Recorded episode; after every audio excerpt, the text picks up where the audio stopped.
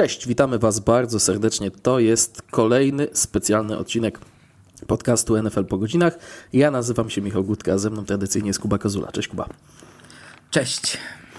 Ledwo wczoraj zdążyliśmy opublikować podcast o zwolnieniach trenerskich i z zapowiedzią oraz typami Super Wildcard Weekend, a liga wywinęła nam psikusa. E, tak to już bywa z nami, że jak wrzucimy podcast, wpada jakiś gruby news, ale chwilę po południu polskiego czasu, a więc z samego rana czasu amerykańskiego w czwartek, 11 stycznia 2024 roku Bill Belichick przestał być trenerem New England Patriots. Klub oficjalnie potwierdził tę informację chwilę później. Potem była konferencja prasowa e, z udziałem Billa Belichicka i właściciela drużyny Roberta Krafta. No i cóż, musimy nagrać kolejny odcinek specjalny, bo trzeba o tym porozmawiać.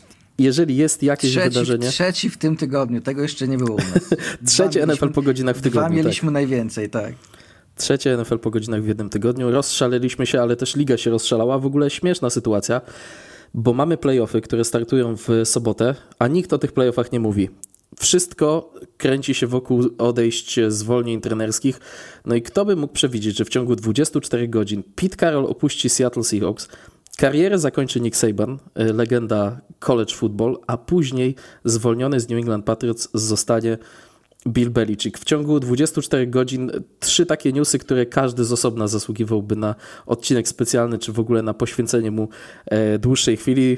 Najbardziej szkoda Pita Karola, który został zupełnie w cieniu tej informacji, ale Nick Saban później został w cieniu informacji o Billu Belicicku. No i cóż, kończy się pewna epoka w New England, więc musimy sobie o tym porozmawiać, a trudno e, znaleźć lepszego rozmówcę do takiej tematyki niż Kuba Kazula, niż e, wielki fan New England Patriots. E, zapraszamy też do przeczytania tekstu Kuby na TVP Sport. Wiem, że jeszcze szykujesz dalszą twórczość tekstową, tak? Tak, tak. Będę jeszcze przygotował jeden tekst na NFL Polska, bo oczywiście na TVP Sport z racji odbiorcy był to tekst taki bardziej informa informacyjny przedstawiający, e, kim był Belichick e, dla Patriots. Tymczasem na NFL Polska szykuje taki trochę, e, mam wrażenie, bardziej osobisty w kontekście, w kontekście Belichicka i w kontekście jego odejścia. Najpierw epoka w New England zakończyła się kiedy odchodził Tom Brady, a teraz już na dobre kończy się, kiedy ten klub opuszcza Bill Belichick. Billowi Belicickowi brakuje 15 zwycięstw, by wyprzedzić Dona Szule na liście wszechczasów i nie będzie bił tego rekordu jako trener New England Patriots, chociaż wszyscy sobie to już wyobrażaliśmy. Belichick ma 302 zwycięstwa, z czego w New England 266. Z nich do tego odniósł, poniósł 121 porażek y, w New England. Bilans w playoffach to jest 30 do 12 y, jako trener Patriots. Tych zwycięstw ma, licząc całą karierę trenerską, 333. Don Shula ma ich 347, a więc tutaj wciąż te 15 zwycięstw licząc playoffy y, pobije rekord. 13 sezonów Billa Belicicka z co najmniej 12 zwycięstwami w New England Patriots. 17 mistrzostw dywizji. W to to się wierzyć wręcz nie chce, z czego w pewnym momencie miał 11 zwycięstw dywizji z rzędu. Wszystkie te osiągnięcia to rekordy NFL. W czasach Patriots dziewięciokrotnie awansował do Super Bowl Bill Belichick, sześciokrotnie to Super Bowl wygrał. Na minusie miał sezony tylko 2000, 2020, 2022 i 2023, więc po drodze zaliczył serię 19 z rzędu sezonów na plusie i tylko Tom Landry, który w pewnym momencie w karierze w Dallas Cowboys od połowy lat 60. do połowy lat 80. miał 20 sezonów z rzędu, może pochwalić się lepszym wynikiem. No i tych osiągnięć można wymieniać dużo, można wymieniać je bardzo długo. Ale chcę Cię przede wszystkim, Kuba, zapytać o odczucia. Minęły 24 godziny, już ponad. Jak oceniasz ten ruch po pełnej dobie, bardziej na chłodno?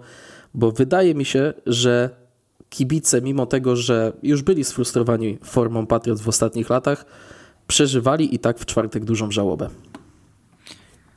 Tak, to tak. Mimo wszystko, że mimo tego, że no wszyscy się spodziewali tego, już mówi się o, mówiło się o tym całą drugą połowę sezonu, że Robert Kraft coraz bardziej skłania się ku temu, żeby, e, żeby się z Billem Belicickiem pożegnać. Wszystkie, wszystkie raporty poza tym, po zakończeniu sezonu też, też mówiły w podobny sposób. Ale no mimo wszystko wiadomo, no to jest taka, taka sytuacja, że no każdy fan Patriots na pewno no, dostał takiego strzała, jak przeczytał to pierwszy raz. To jest coś takiego. Tak jak odchodził Tom Brady, tak samo jak od, mimo tego, że też bodajże z tydzień przed odejściem Toma Brady'ego też zaczęły się bardzo mocno nasilać głosy, że kurde, on faktycznie może odejść w tej wolnej agenturze, bo ma taką opcję i chyba z nich korzysta. Tak tutaj było bardzo podobnie i, te, i też myślę, że każdy fan Patriots będzie wiedział doskonale i pamiętał za jakiś czas, gdzie był i co robił, jak, jak ta wiadomość mu wyskoczyła na telefonie, na laptopie czy, czy, czy gdziekolwiek. Jest to bardzo smutne, bo to, to jest historia Patriots. To jest cała historia Patriots. Patriots nie mają zwycięstw, nie mają Super Bowl bez Billa Belichicka i pewnie tak przez jakiś czas jeszcze zostanie. Więc to jest człowiek, który który no, wprowadził ich na salony, który stworzył z nich największą futbolową dynastię w historii.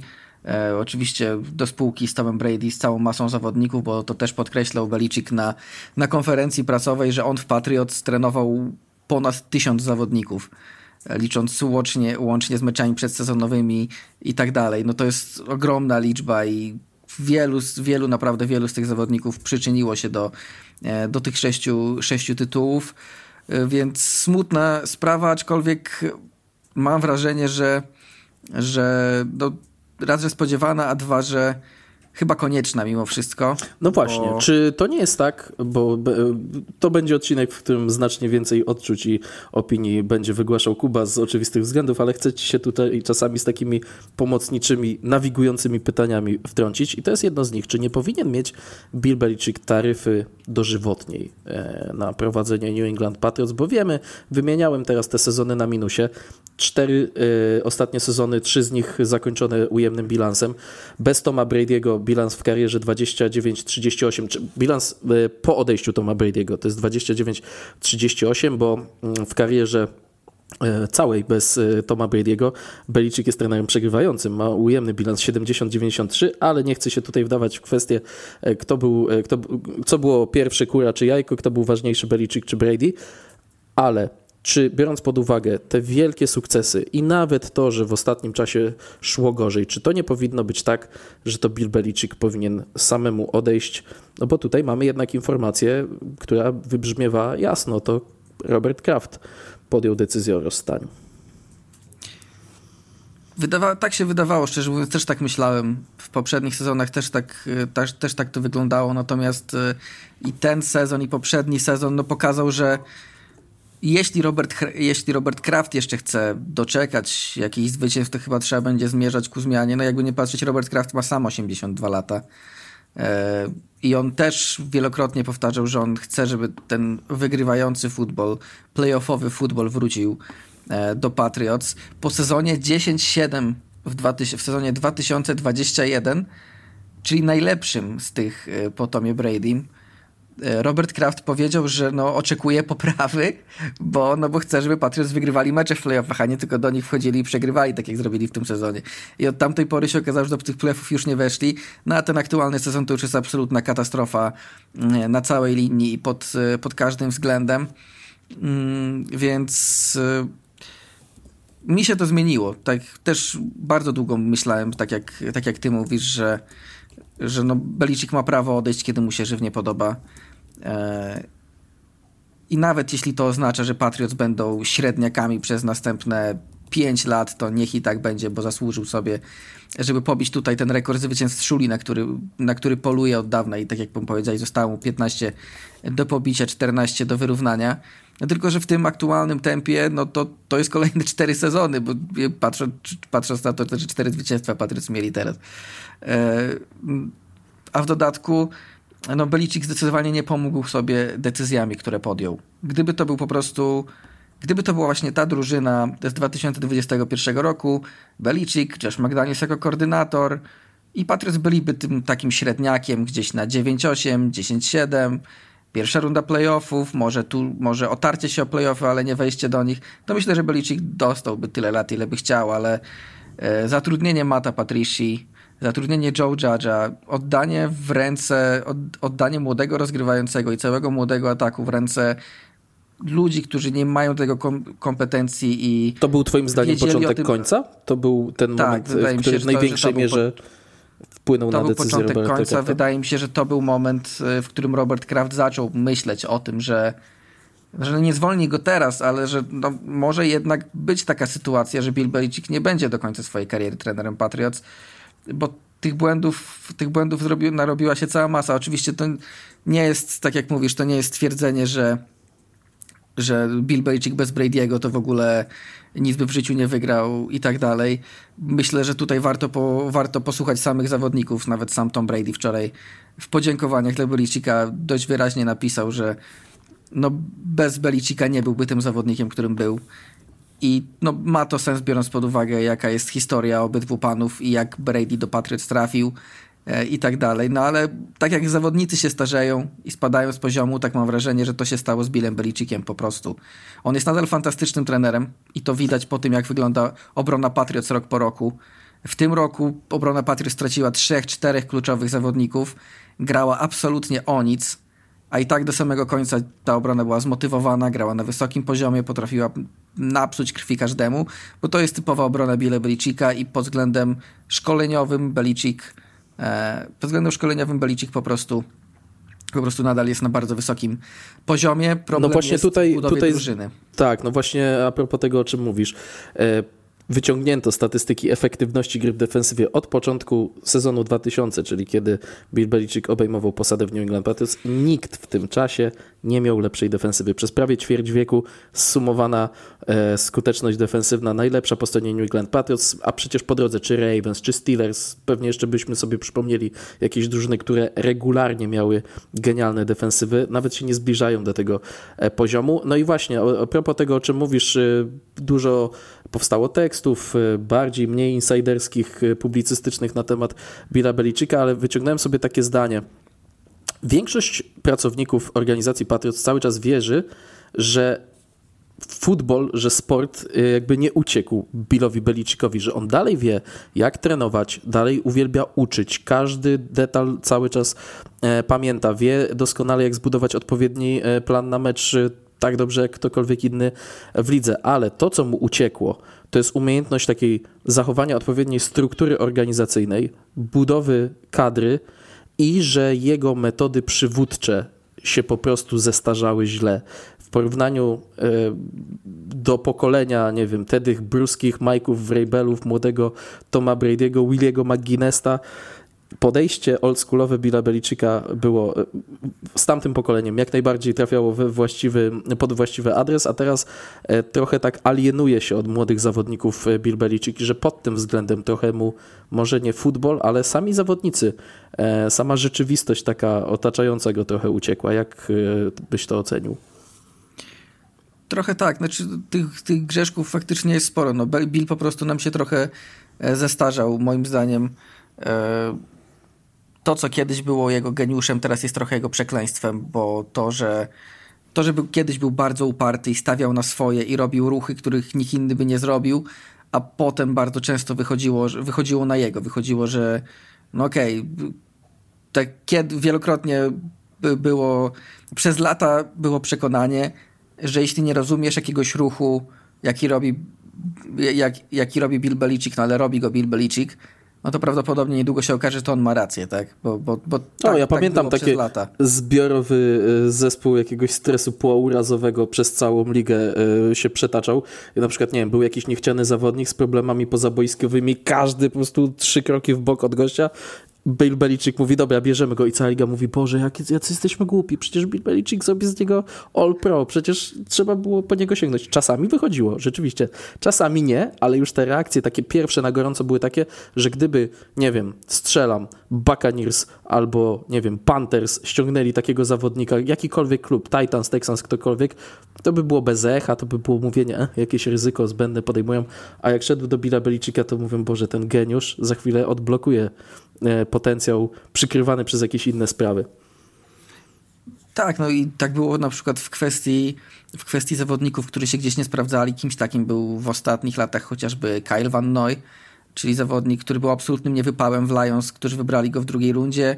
Oddali go do Patriots bodajże za siódmą, czy za jakiś klasyczny swap szóstej z siódmą i teraz się okazuje, że przez lata pomógł Patriots wygrywać Super Bowl, a teraz gra w najlepszej obronie ligi w Ravens i nadal się trzyma w lidze e, i szczególnie w obronie było masa takich zawodników, których Belichick wyciągał. Jamie Collins patrzył... mi się zawsze przypomina tak, jako taki Jamie wierny Collins, żołnierz. Tak. Chociaż, chociaż on akurat był wydraftowany przez Patriots, więc, ale tak. i też odszedł e, za dużymi pieniędzmi, nie wypalił, wrócił i ponownie się okazało, że jest bardzo dobry, e, że jest bardzo dobry w Patriots. Pod tym względem Belichick dopasowywaniem zawodnika do roli zawsze był, zawsze był wybitny, ale chociażby też Randy Moss.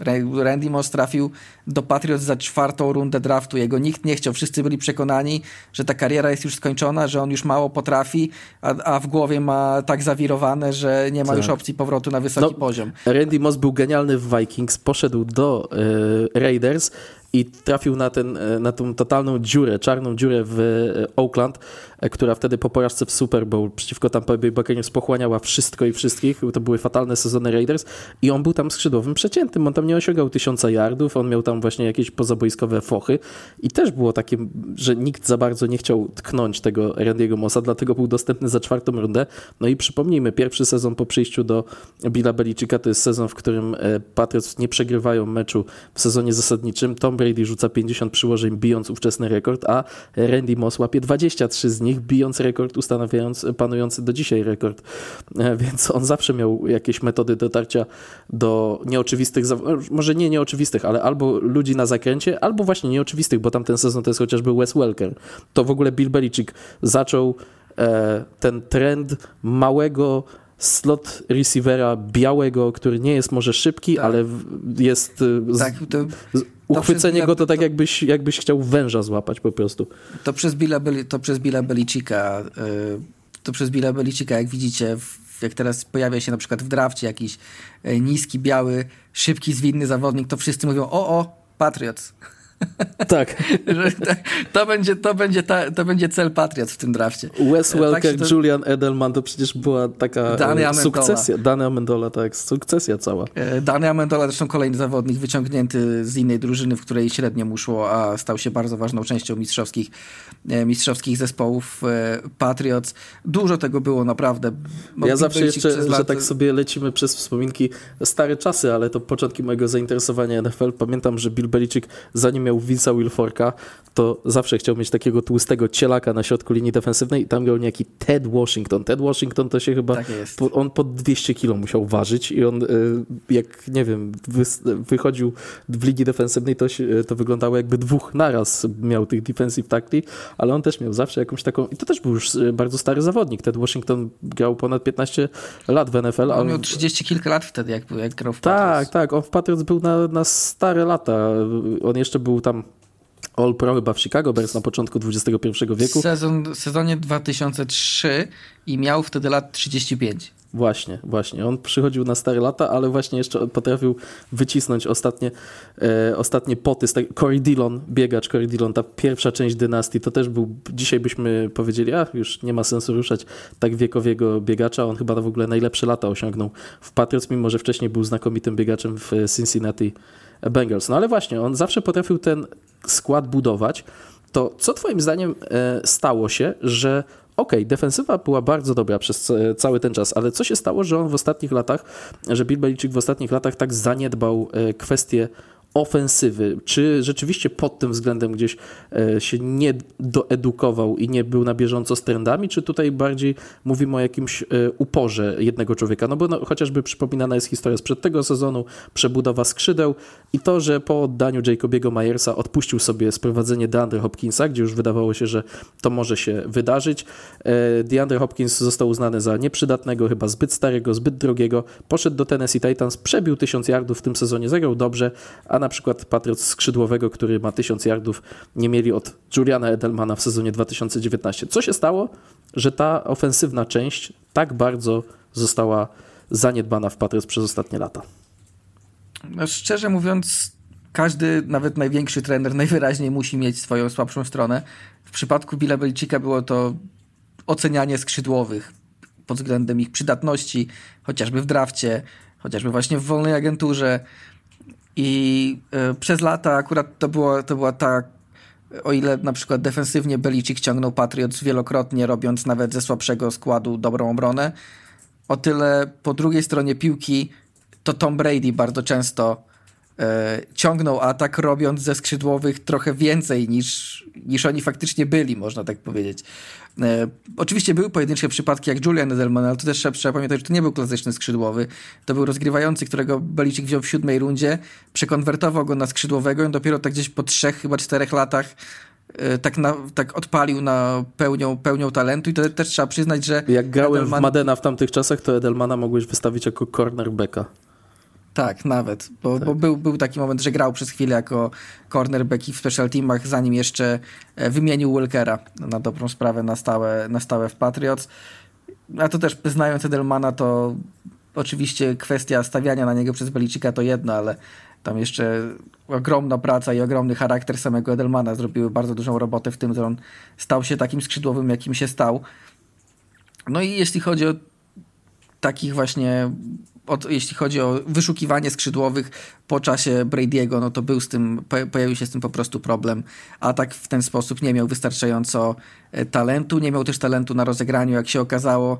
E, za wybór Maca Jonesa raczej Belicika nikt nie będzie e, za wybór, negatywnie rozliczał. Za wybór nie, ale za, wybór za rozwój? Nie, za to, co się później stało, tak. Mhm. Za to, że w drugim sezonie, po dobrym rookie sezonie zatrudnił Mata Patricia i Joe Judge do prowadzenia ataku. No i tak jak mówię, no to było, to był taki moment, w którym pewnie Robert Kraft zaczął myśleć, no dobra, to trochę, trochę chyba liga odjeżdża, bo z jednej strony rozumiesz Belicika, że on w wieku 70 lat nie chce nagle próbować nowych rzeczy, ściągać z zewnątrz ludzi o całkowicie innym podejściu o futbolu i z nowymi schematami, tylko zatrudnia ludzi, których zna. No ale jednak są tego granice, na pewno nie jest to zatrudnianie defensywnego koordynatora jako ofensywnego koordynatora, przy czym jak teraz widzimy w Eagles, ten jako defensywny koordynator również nie jest dobrze. Także e, po prostu no, trochę to zatrudnianie kolegów, właśnie kolegów, no znajomych po prostu. Nawet, je, nawet jak rok temu Robert Kraft, czyli właściciel Patriot, wymusił, bo on wymusił e, wymianę ofensywnego koordynatora.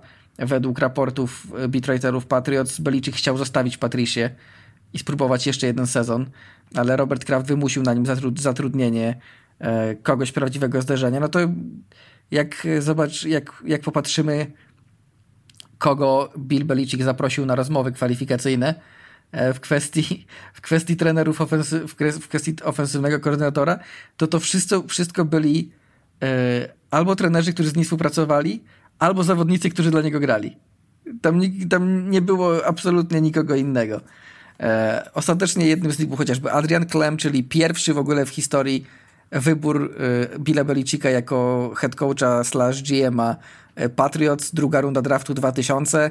Mimo wszystko Adrian Clem, Adrian Clem nie zostanie zapamiętany z tego powodu, no bo w tym drafcie 2000 Patriots wzięli kogoś innego, kto nazywał się Tom Brady. Od tamtej pory nikt nie pamięta o całej reszcie. Ale, ale no był Adrian Clem chociażby, bo oczywiście Bill O'Brien był faworytem, Bill O'Brien tę robotę dostał, no ale się potem okazało z kolei, że e, Bill Belichick nie pozwolił Billowi O'Brienowi na zbudowanie własnego ofensywnego sztabu. I to była po prostu taka seria, seria błędów. Ja akurat nigdy nie powiem, że e, oczywiście wpływ na to miało odejście Toma Brady'ego. Ja, ja nigdy nie powiem, że Brady ciągnął dynastię, czy że Belichick ciągnął dynastię, no bo moim zdaniem po prostu ani jeden, ani drugi nie doszliby do tego, do tego miejsca, w którym byli bez siebie wzajemnie. Czy Brady mógłby wygrać Super Bowl bez Belicika? Tak, i wygrał. Co prawda, no, mówimy tu o sytuacji, w której był już rozwiniętym zawodnikiem. E, czy, czy wygrałby nie mając nigdy, do, nie trafiając nigdy do Patriots? Może i by wygrał. Czy Belicik by wygrał bez niego? Może i by wygrał, ale czy wygraliby jeden 6 i drugi 6? Na 100% nie ma takiej możliwości nawet. Więc e, to, jest, to są naczynia połączone w tym wypadku. A przecież e, wybór, sam wybór Brady'ego w szóstej rundzie, kiedy no nikt go nie chciał, no sześć rund minęło, e, dosłownie minęło, bo to był pik kompensacyjny szóstej rundy, czy już po szóstej rundzie w zasadzie.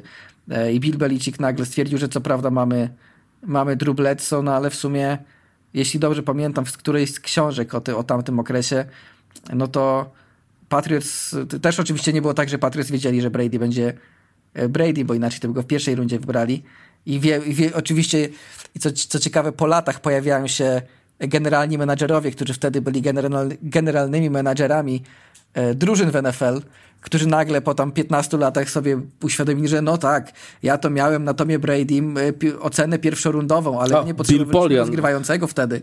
Tak, Bill Polian, który miał Peytona Manninga, Polian, tak.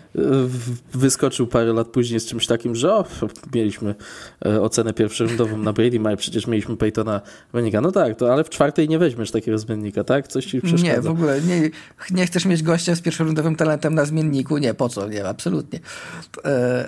E no to Patriots ponoć mieli na Brady y, ocenę tam trzecią czy czwartą rundową y, i zobaczyli, że spada. No mnie też mieli Drew Bledsoe, a propos panie Polian, też Patriots mieli wtedy rozgrywającego, a jednak można było wziąć backupa, tak? Więc y, no i pomijając fakt, że po pierwszym kampie teoretycznie Tom Brady powinien zostać zwolniony, ponieważ był czwarty w kolejce do gry, a raczej nikt w, do 53-osobowego rosteru na sezon nie bierze czterech rozgrywających. Zazwyczaj bierze się trzech, w, czy w wielu przypadkach dwóch i ktoś tam na przykład w practice składzie aktualnie, ale Belichick stwierdził, że w tym chłopaku coś jest i zostawił go jako czwartego. Zresztą a propos tego w Madenie, w którym, e, w jednym z Madenów, w tym pierwszym, bodajże, czy tam to był NFL jeszcze, 2001 e, jest faktycznie Tom Brady jako ten czwarty rozgrywający Patriots z overallem bodajże 57. Tak no ja grałem e, w NFL 2K2 z tamtego okresu I Tom Brady był jednym z najgorzej wycenianych. To gra z Segi, później Madden wykupił całą licencję, ale mm, Tom Brady był jednym z najgorszych overallowo rozgrywających e, w NFL. Ta gra wyszła tuż przed sezonem 2001, czyli za trzy tygodnie od jej premiery Tom Brady stał się Tomem Bradym. Zaczynał się nim stawać i był Bledsoe. A jeszcze był... wtedy nie było takich, u, takich e, aktualizacji overalli, jak mamy teraz. Zresztą nie, co chwilę nie było. Nie, grałem już po wsze czasy później grom, w której Drew Bledsoe był podstawowym QB, miał e, chyba overall z 84.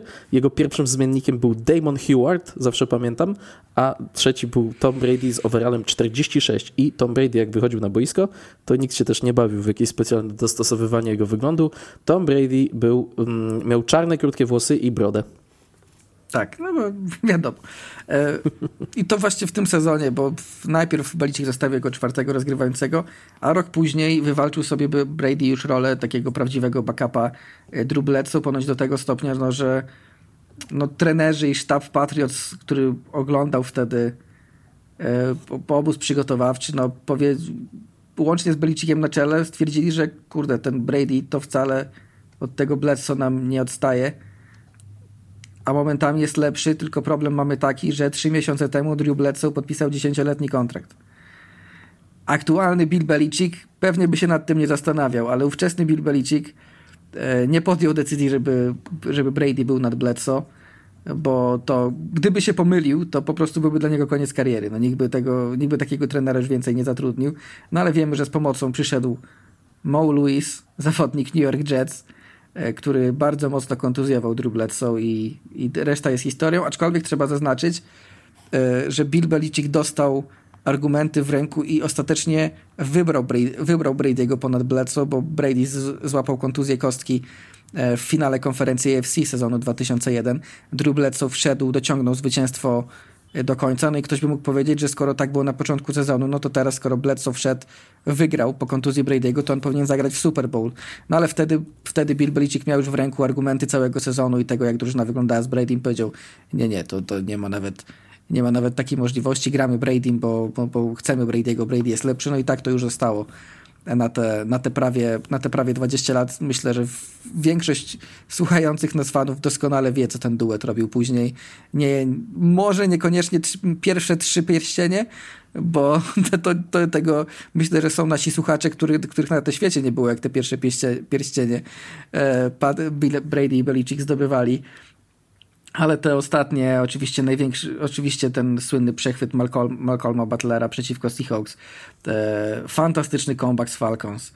Mm, no i oczywiście Belichick Masterclass w Super Bowl 53, czyli trzy punkty oddane zaledwie e, wtedy znakomitemu e, nowemu atakowi Rams, który był najlepszym atakiem w lidze przez, przez cały sezon regularny e, i wtedy atak Patriots również nie zagrał najlepszego meczu, no ale tu właśnie wjechała, no wjechało, zresztą to jest kolejny, te, te mecze Super Bowlowe i te y, drogi do Super Bowl są, kolej, są kolejnym przykładem na to, że Brady i Belichick po prostu się uzupełniali, bo jeśli spojrzysz chociażby właśnie na ten sezon 2018, no to finał to jest po prostu cała prawie że zasługa Belicika.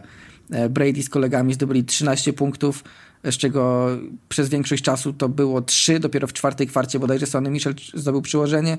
Tak, Sonny e, Michel, no, to, to, zawsze pamiętam, a, że jedyne tak. przyłożenie Sonego Michela po długim podaniu do Roba Gronkowskiego. Tak jest. I to był jedyny na, na, dobrą sprawę dobry drive Patriots ofensywny w tym meczu, taki faktycznie solidny, solidny. Tymczasem w defensywie e, obrona Belicika czyniła cuda i oddała Seanowi McVeyowi i całemu jego atakowi trzy punkty. E, a już z aktualnej perspektywy, po kilku latach Shona McVeya, wiemy doskonale, e, wiemy doskonale, co to znaczy oddać akurat McVeyowi. Znaczy oddać akurat McVeyowi tylko trzy punkty. Jak trudne to jest i jak nikt tego nie potrafi zrobić, nawet jeśli skład McVey ma trochę słabszy, ale do czego dążę, że to jest jedna rzecz, ale w finale konferencji, e, w którym grali z Kansas City Chiefs, to z kolei, co prawda, Patriots zaczęli bardzo mocno defensywnie, ale w drugiej połowie to się stała absolutna ofensywna strzelanka i tutaj już do głosu doszedł e, Tom Brady w, pier w pierwszej tak poważnej rywalizacji bezpośredniej z Patrykiem Mahomesem i też swoje tutaj zrobił. I, I, to samo tyczy się meczów z Seahawks czy z Falcons. Z meczu z Seahawks pamiętamy przechwyt Butlera, ale to, że Patriots, atak Patriots odrobił 10 punktów straty w samej czwartej kwarcie, no to to jest już też inna kwestia. Mecz z Falcons mamy znakomity comeback ataku, ale ten comeback nie odbyłby się bez kilku świetnych y, akcji obronnych, w tym słynnego już fumbla Donty Hightowera, y, który wybił piłkę z rąk Matowi, Matowi Ryanowi. W sumie od tego się wszystko zaczęło. To był idealnie, no, idealnie naoliwiona maszyna przez te wszystkie lata i to wszystko jeszcze się zaczęło y, nie wszyscy mogą to wiedzieć, ale przed pierwszym Super Bowl Patriots przeciwko jeszcze wtedy St. Louis Rams. To swoją drogą też ładna klamra, że Patriots zaczęli od Super Bowl z Rams i skończyli na Super Bowl z Rams. E, tylko, że Rams zdążyli w międzyczasie się przeprowadzić e, do Los Angeles, ale przy, przed meczem z St. Louis Rams Rams no, byli wtedy wielkim faworytem. To było jedna z, jeśli dobrze pamiętam, 14-punktowym chyba nawet. To jedno z największych, z największych Większym, różnic, jeśli chodzi o... By... Większym faworytem w historii Super Bowl były tylko dwie drużyny. Y, Super Bowl trzecie, Joe Namath i słynna gwarancja tego, że Jets pokonają Baltimore Colts. To Baltimore Colts byli chyba 16-punktowym faworytem. No i później historia trochę zatoczyła koło, bo w 2000, sezonie 2007 niepokonani Patriots byli większym faworytem przeciwko Giants niż Rams 6 lat wcześniej w tym meczu, o którym mówisz. Tak, no i Ram, dla Rams byłby to drugi tytuł w ciągu trzech sezonów. Wszyscy doskonale wiemy, że yy, kto interesuje się tamtym okresem wie, że e, Rams byli nazywani wtedy The Greatest Show on Turf. Ten, ten atak, tak jak i atak Rams McVeya, e, był wtedy no, nowoczesny, fantastyczny, z Kurtem Warnerem, z Marshallem Folkiem, z paroma innymi zawodnikami i Ricky Prell, czyli skrzydłowy, który ostatecznie zdobył przyłożenie w tym, w tym Super Bowl, e, powiedział przed meczem do kamery Tonight the dynasty is born. W odniesieniu oczywiście do Rams i tego, że byłoby to drugie zwycięstwo w ciągu trzech lat. No chyba, chyba nikt się nie spodziewał, że tak prorocze się te słowa okażą, tylko że nie Patriots, w tym, w tym by chciał. Patriots przeciwko Giants w niepokonanym sezonie nie byli aż takim faworytem jak Rams w wspominanym przez ciebie Super Bowl. Odkopałem to sobie i rzeczywiście większymi faworytami byli ci Colts, Super Bowl trzecie, wygrany przez Jets, 18 punktów, a największym faworytem w historii Super Bowl, no mogłem się w sumie tego spodziewać, 49ers, ale nie e, Joe Montana, tylko Steve'a Younga, którzy w połowie lat 90. grali z Chargers w Super Bowl, e, 18,5 punktów byli faworytem i e, pokryli 49 punktów wbili w tym tym meczu, e, więc e, tak, były tylko dwa e, w historii spotkania w Super Bowl, gdzie faworyt był wyraźniejszy niż ci Rams przeciwko Kopciuszkowi dowodzonym przez Toma Brady'ego. To dobrze, bo tutaj chciałem bardziej zacząć mm, od, czy, czy kontynuować wątkiem samego Belicika, ale to nam się to, o czym mówisz, nam przemiesza wątki, bo tak się dobrze tym razem dla nas złożyło, że dosłownie 10 minut przed tym, jak zaczęliśmy nagrywać ten podcast, Patriots oficjalnie ogłosili następcę e, Billa Belicika. Jest to e, angaż, e, czy awans z wewnątrz, nowym trenerem zostanie Gerard Mayo. Mayo był zawodnikiem Patriots najpierw w latach 2008-2015, wygrał z nim jedno Super Bowl, doszedł do, był nominowany do jednej drużyny All-Pro, dwa razy do Pro Bowl. Mówiło się, że to jest taki wybór z top 10 draftu, bo on był bardzo wysoko wybrany właśnie w top 10 w 2008 roku. Który zupełnie się tak nie zachowywał. Czyli taki zawodnik właśnie z tym charakterem, który tutaj wyróżniliśmy w przypadku niektórych futbolistów tej dynastii, takim jakiego cenił Bill Belichick, czyli człowieka, który nawet w dzień wolny przychodzi do pracy i analizuje taśmę ze swoich występów. Od 2009... First guy in, last guy out. Tak jest, tak. Jak w tej e, drużynie Patriots, to wszyscy przychodzili za wcześnie i wychodzili za późno. Tam był wyścig... Tylko Rob Gronkowski nie. No nie, ale po co mu to było? I tak, i tak koledzy zrobili wszystko za niego. Ale trener e, e, Mayo trenował linebackerów Patriots od sezonu 2019. Już się jakiś czas temu słyszało, że liga ma go na radarze, ale Robert Kraft zrobił wszystko, żeby on pozostał na swoim stanowisku. No i wygląda na to, że pozostał wcześniej na swoim e, stanowisku asystenta z zapewnieniem, że zastąpi Billa Belicika, bo to się stało dosłownie następnego dnia. Jak to rozumieć? Czy to jest wyraźne przedłużenie tego Patriot Way, Do Your Job i tych wszystkich hasełek? Czy widzisz tutaj, że będzie jakaś jednak ewolucja? No i pytanie, które musi też tu paść, gdzie w takim razie wyląduje Mike Vrabel, bo wydawało mi się, że Mike Vrabel to już kupuje krawat w barwach Patriots i dobiera stylówkę na powitalną konferencję prasową. Jeśli chodzi o, jeszcze zanim przejdę do Mayo, to skojarzyło mi się z Gronkowskim, z Gronkowskim taka historia, którą ostatnio powiedział w podcaście Juliana Delmana, yy, która świadczy o tym, że Bill Belichick potrafił wyjść poza własną strefę, strefę komfortu, jeśli chodzi o wybieranie zawodników, bo wszystkim nam się właśnie wydaje, że Belichick e, przez całą swoją karierę no to wybierał właśnie takich modelowych obywateli, takich grzecznych, ułożonych, bez żadnego bez żadnych odpałów, jak właśnie Jared Mayo. No Jared Mayo to jest absolutnie klasyczny przykład takiego wyboru, e, który i na, że nawet Bill Belichick wolał czasem odrzucić bardziej utalentowanego zawodnika E, tylko dlatego, że no, mniej podobał mu się z charakteru niż inny zawodnik, którego miał w tym miejscu. Natomiast Gronkowski e, opowiedział historię, że na spotkanie z Patriots przeddraftowe chyba na kombajnie, e, czy gdzieś przyszedł na absolutnym kacu i nie był w stanie i nie był w stanie nic w ogóle powiedzieć. Bill O'Brien wtedy był ofensywnym koordynatorem, tak jak i teraz zresztą, tylko no, trochę, trochę czasu minęło. I Bill O'Brien pokazywał mu zagrywkę, e, jakieś przykładowe zagrywki, taka klasyczna rozmowa. Pokazał mu zagrywkę na chwilę e, i, i mówi, no i dobra, to teraz mi powiedz, co w tej zagrywce robią skrzydłowi. A Gronk mówi, no, nie wiem. No dobra, a co w tej zagrywce robisz ty? Nie wiem. To, to jak mamy tobą grać? Just throw me the fucking ball. I cóż, no, fakt, że po czymś takim został wybrany przez Patriot, no i Patriot zastosowali się do jego rady przez kolejnych ładnych parę lat. E, świadczy o tym, że Bill Belichick, mimo tego, jakie miał podejście, potrafił też czasem z własnej strefy komfortu wyjść. Natomiast jeśli chodzi o Mayo, e, to to miał być zastępca Billa Belicicka. Mówi się o tym od roku. Już rok temu, jeśli pamiętacie, e, dzień po zakończeniu sezonu e, było to takie bardzo nietypowe oświadczenie Patriots, które wydał Robert Kraft, że Patriots oświadczają, że no zdają sobie sprawę, że jak wyglądał sezon i że będą ofic ofic oficjalnie zaczynają poszukiwania ofensywnego koordynatora oraz dokładają wszelkich starań, żeby Gerard Mayo został w drużynie długoterminowo.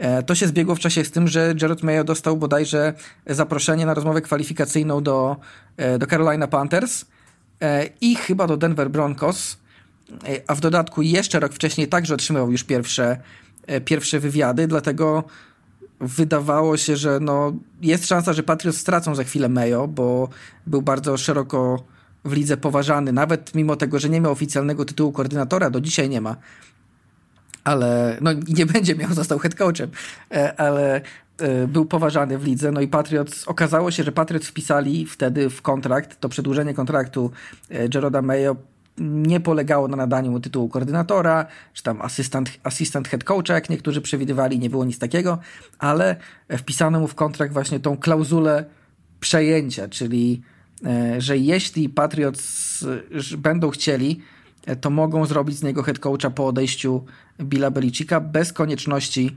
przechodzenia przez cały proces rekrutacyjny, bez spełniania wszystkich warunków, bez ściągania ludzi na rozmowy kwalifikacyjne.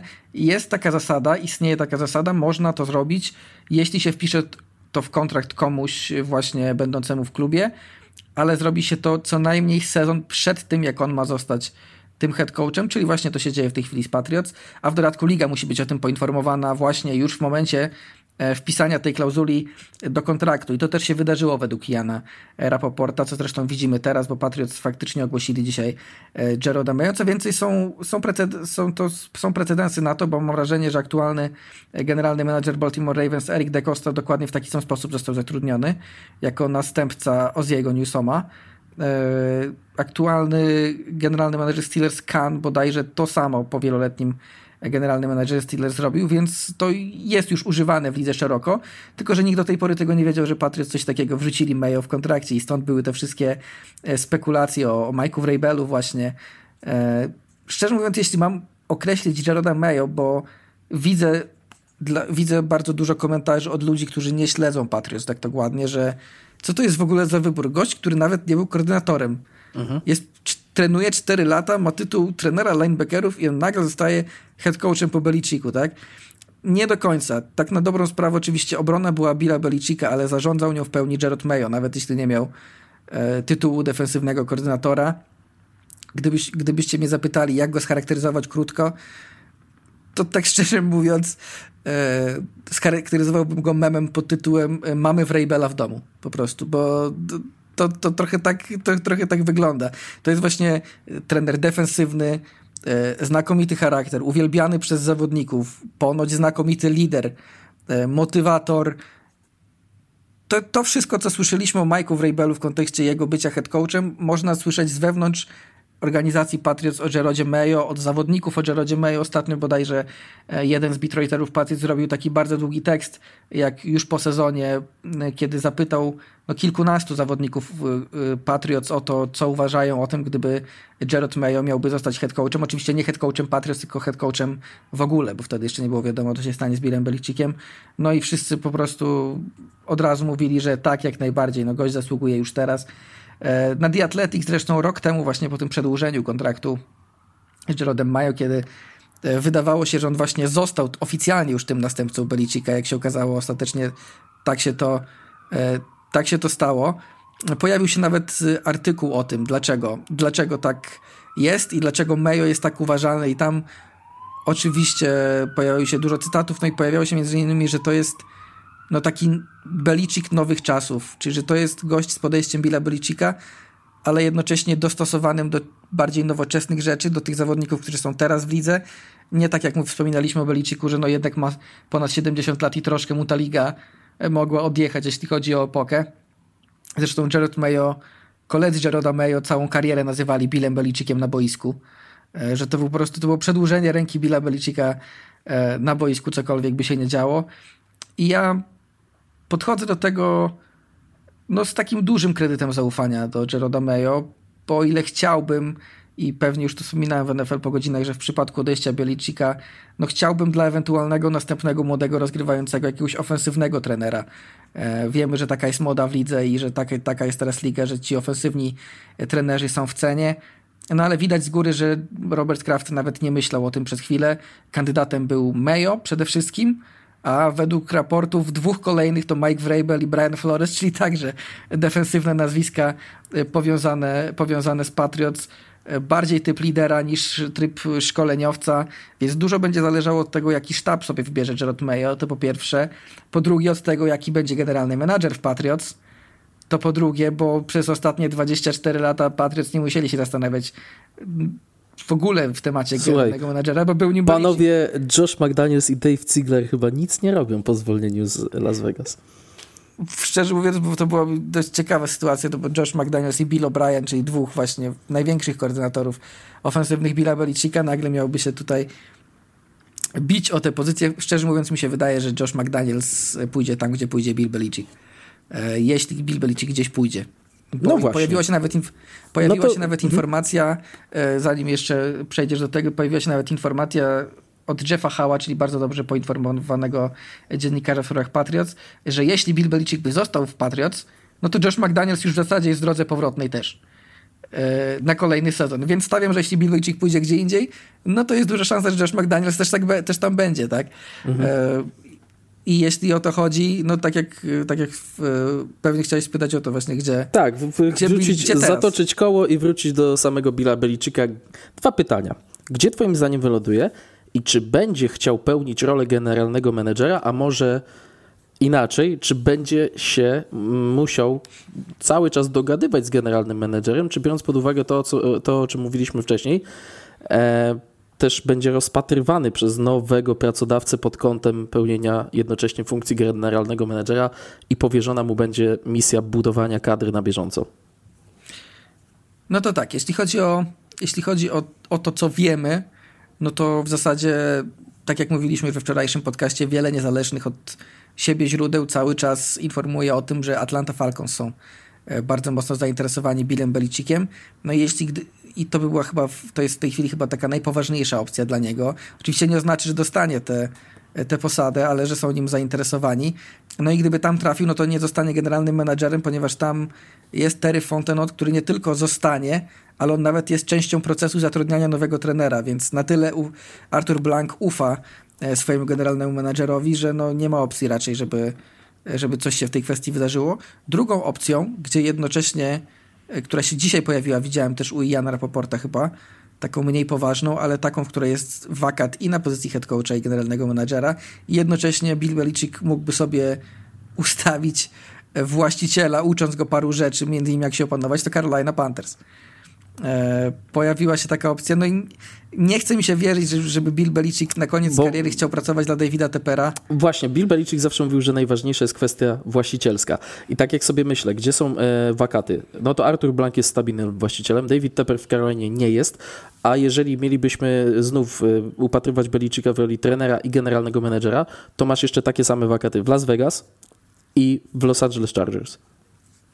I tam właściciele, no Mark Davis to jest syn Ala Davisa i jest w ogóle na innym biegunie, ekscentryczny y, i szalony Al Davis wychował sobie bardzo spokojnego i pozostającego w cieniu syna, chyba że wyróżniającego się jedynie fryzurą, polecam sobie wygooglować. I e, Spanosowie w Los Angeles Chargers to nie jest y, dobra grupa właścicielska, ale tam miałby na pewno zapewnioną e, funkcję generalnego menedżera. No to jest ciekawe dla mnie z tego względu, że i Raiders i Chargers według raportów nie, w tej chwili nie chcą Belichicka. Mhm. E, bardziej jeśli mówimy o tym, o tym już wyrobionym nazwisku, to jedni i drudzy celują w Harbo. E, w, w Jima Harbo, więc pytanie mm, myślę, że gdyby trafił Jim Harbo do Chargers, to Raiders pozostaną przy, przy Pierce, przy swoim tymczasowym head coachu. Natomiast gdyby Harbo trafił do Raiders, to ciekaw jestem, czy Chargers by się nie zwrócili w stronę Belicika wtedy. Bo w tej chwili i jedni i drudzy są nastawieni na Harbo, no ale do obu drużyn Harbo nie pójdzie, tak? Więc y, to zawsze tak jest, że w tej chwili zainteresowani Belicikiem są Falcons, no ale nigdy nie wiadomo tak na dobrą sprawę, jak potoczą się pozostałe e, pozostałe wakaty. Może no właśnie, okazać, bo słyszymy, że... że dwie drużyny playoffowe, jak to gdzieś tam jest roztaczona ta mgła tajemniczości, dwie drużyny, które są w playoffach, są jeszcze w grze, nie dokonały żadnych zwolnień, oczywiście, y, bardzo szybko postanowią ewentualne działania podejmować, żeby tego Billa Belicika sprowadzić. Gdybyś miał strzelać, jakie to są dwie drużyny? Jedna to moim zdaniem na 100% Dallas Cowboys. Od to kilku sezonów. Błagam o połączenie Billa Belicika z Jerem Jonesem. Błagam, błagam, błagam. Abs naj, absolutne imperium zła. To po prostu gorzej się nie da. Już nikt, nikt poza Cowboys nie grałby meczów w prime time. chyba tak, chyba tak, faktycznie.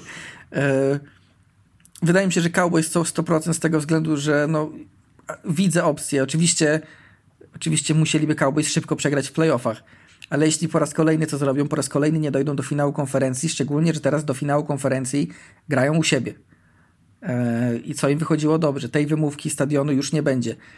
Jeśli by przegrali przed finałem w konferencji, a to oznacza albo porażkę w pierwszej, albo w drugiej rundzie, no to ja absolutnie widzę pożegnanie z Mike'iem McCarthy'm, bo Jerry Jones to też nie jest człowiek znany e, z absolutnie spokojnego temperamentu i myślę, że kolejny podobny sezon, w którym po raz kolejny Cowboys robią sobie nadzieję i koń, skończą się tak samo, już nawet nie mówię o Super Bowl, ale po raz, że po raz kolejny nie wejdą nawet do finału konferencji, no to mogłoby odpalić ten pstryczek, e, w którym, e, przy którym Jerry Jones powiedział, no dobra, nie, to, to nie ma sensu, weźmy coś, zmieńmy, bo stoimy w tym samym miejscu i nie ruszamy się ani ani w tę, ani w tę stronę, tak na dobrą sprawę, cokolwiek byśmy ze składem e, nie zrobili. No i wtedy widzę, widzę szansę na Billa Belicika. A druga drużyna, coś się pojawiają plotki o Eagles i trochę mi się w to nie chce wierzyć mimo wszystko, no bo jednak to jest drużyna, która dopiero co doszła do Super Bowl, teraz jest źle, ok, ale i tak weszli do playoffów, więc mamy Super Bowl, playoffy i nie daliby wtedy szansy head coachowi, nawet gdyby odpadli w pierwszej rundzie z Bucks, nie daliby szansy się odbić jeszcze rok chociaż. No właśnie, dlatego mi ta druga drużyna majaczy jako Bucks już wzięli Brady'ego, to teraz na wypożyczeniu Brady'ego zdobyli jeden tytuł, to sobie wypożyczą Belicika na stare lata. to by było jeszcze. coś, gdyby najpierw gdyby Jakby Bucks mieli trzy tytuł. Super Bowl, mieliby trzy Super Bowl, z czego jedno z Brady'em, jedno z Beliczikiem, jedno dwadzieścia parę lat temu, a wciąż w tabeli wszechczasów oni chyba mają najgorszy procent zwycięstw, gorszy nawet od Browns, od Bengals i tak dalej. To by była przezabawna historia, ale... Y, skoro wyszło albo grubo, z jednym elementem, tak. tak. skoro wyszło z jednym współtwórcą dynastii na rozegraniu, to teraz spróbują z drugim, tym przy linii bocznej. Jedyne co, jedyne, co mi przeszkadza przy Bucks, to to, że no, oni zrobili wynik ponad stan w tym roku. Więc zwolnienie trenera po tym, jak zrobił wynik ponad stan, też tak średnio pasuje. Więc trudno. To wypytywanie, wytypowanie e, pierwszej drużyny jest łatwe, bo moim zdaniem Cowboys są w tym położeniu od kilku sezonów że poniżej po, po pewnego poziomu zajść nie mogą. Natomiast wytypowanie tej drugiej drużyny jest trudne. Są faktycznie, pojawiają się plotki o Eagles, są plotki o Bucks. Ja pomyślałem o Bills, szczerze mówiąc, u, po tym jak... U, wewnątrz dywizji, ale by, ale by zrobił Bill Belichick. Znaczy, ja nie, to, to akurat y, chyba nie, te dwie drużyny playoffowe nie, niekoniecznie były w odniesieniu od Belicika, do Belicika. Czyli że po, tylko, że po prostu te, te drużyny mogą stracić trenerów. E, że jedna z nich, o tak było, że jedna z nich obserwuje sytuację Belicika, jedna z tych, która jest w playoffach, że jest jedna drużyna, która, o której jeszcze nie wiemy, bo jeszcze nie przeprowadziła żadnych zwolnień. O tak to było. O, o tak to było ujęte.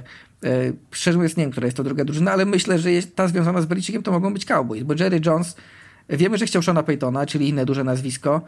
Raczej Jerry Jones nie jest typem człowieka, który w tym momencie swojej franczyzy wziąłby na head coach jakiegoś niedoświadczonego jakiegoś niedoświadczonego młokosa, e, bo nie miałby do niego cierpliwości pewnie, e, tylko chciałby nazwisko. A jeśli, jeśli Cowboys zwolnią dopiero po odpadnięciu w playoffach, no to może się okazać, że, parę, że ten krąg nazwisk się mocno zawęzi, bo no nie będzie bardzo skąd ich wziąć, bo niektórzy już będą mieli podpisane kontrakty i tak dalej.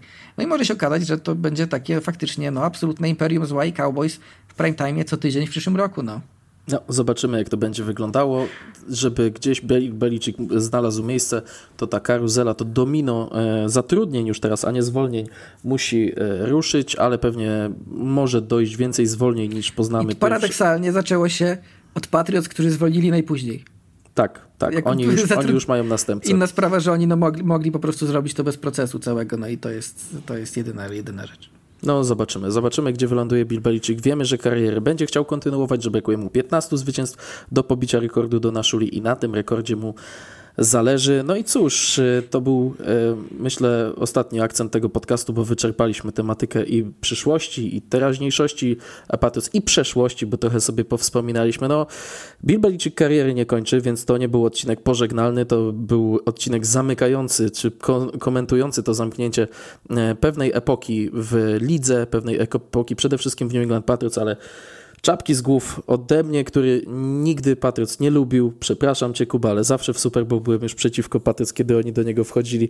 Męczyło człowieka z neutralnej czy z negatywnej e, strony to, e, że ci Patriots ciągle wygrywają, ale jak już tak spojrzę na to z dystansu, to doceniam to, że przeżyłem takie czasy jako kibic, bo to jest coś wyjątkowego. Można mówić, że nie wiem, e, dynastię to mieli, nie wiem, Packers w latach 60., wcześniej Browns Paula Browna, później e, Bill Walsh i San Francisco 49ers z Joe Montaną, ale cała idea ery, w której wydarzyło się to, co się wydarzyło w New England, cała idea jest taka, żeby takie rzeczy nie miały miejsca. Mamy salary cap, mamy wolnych agentów i tak dalej, i tak dalej to wszystko powoduje, że liga jest stworzona, aby nie było drużyn przez 20 lat zgarniających e, takie sukcesy, którzy w co drugim roku występują w Super Bowl, którzy sześciokrotnie zdobywają to Super Bowl.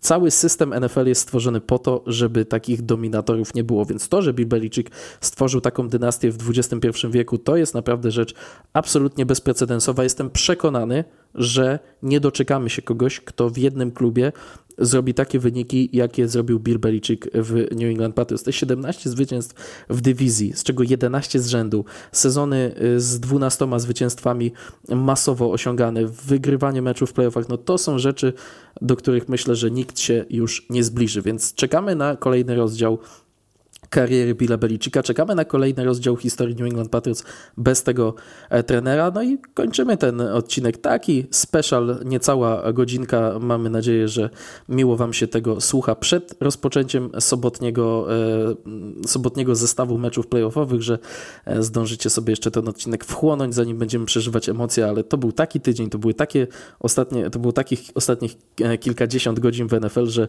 dopiero do tych playoffów to trzeba panie usiąść na spokojnie bo tu się po drodze tyle wydarzyło, że to sobie trzeba przypomnieć, kto gra z kim. Jeżeli chcecie sobie to przypomnieć, to typy na e, Wildcard Weekend e, zawarliśmy w naszym ostatnim odcinku, no i cały czas Was odsyłamy do dwóch naszych poprzednich odcinków. Takiego tygodnia w NFL po godzinach jeszcze nie było, ale pewnie jeszcze będą, bo dzieje się dużo, no a przed nami playoffy, także Zachęcamy do tego, żebyście nas słuchali, polecali swoim znajomym. E, ten odcinek też myślę, że jest takim odcinkiem evergreenowym, którego można polecać e, do czasu, aż Bill Belichick znajdzie swoje nowe miejsce na ziemi, chociaż i nawet wtedy myślę, że on się za bardzo nie zestarzeje, także możecie nas śmiało polecać swoim znajomym, odsyłać do tego podcastu i do innych, no i wspierać na Patronite, patronite.pl ukośnik NFLPG, a my się już kłaniamy, życzymy miłego weekendu, no i futbolowych emocji i wszystkiego najlepszego Billowi Beliczykowi na dalszej drodze trenerskiej.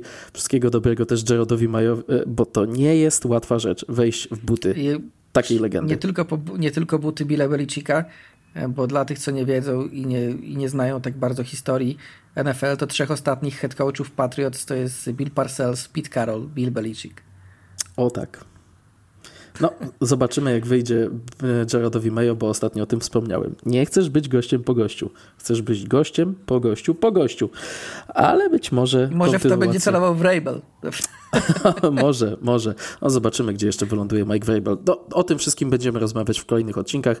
Ten w pełni poświęciliśmy Billowi Belicickowi i jego przyszłości, przyszłości New England Patriots i dziękujemy za to, że byliście z nami. Miłego weekendu, przeżywajcie w spokoju. Chociaż nie, po co ten spokój? Futbolowe emocje to niech was nosi po całym mieszkaniu. Niech to będzie taka pierwsza e, runda playoffów. Cześć, do usłyszenia, do zobaczenia. Papa. Pa.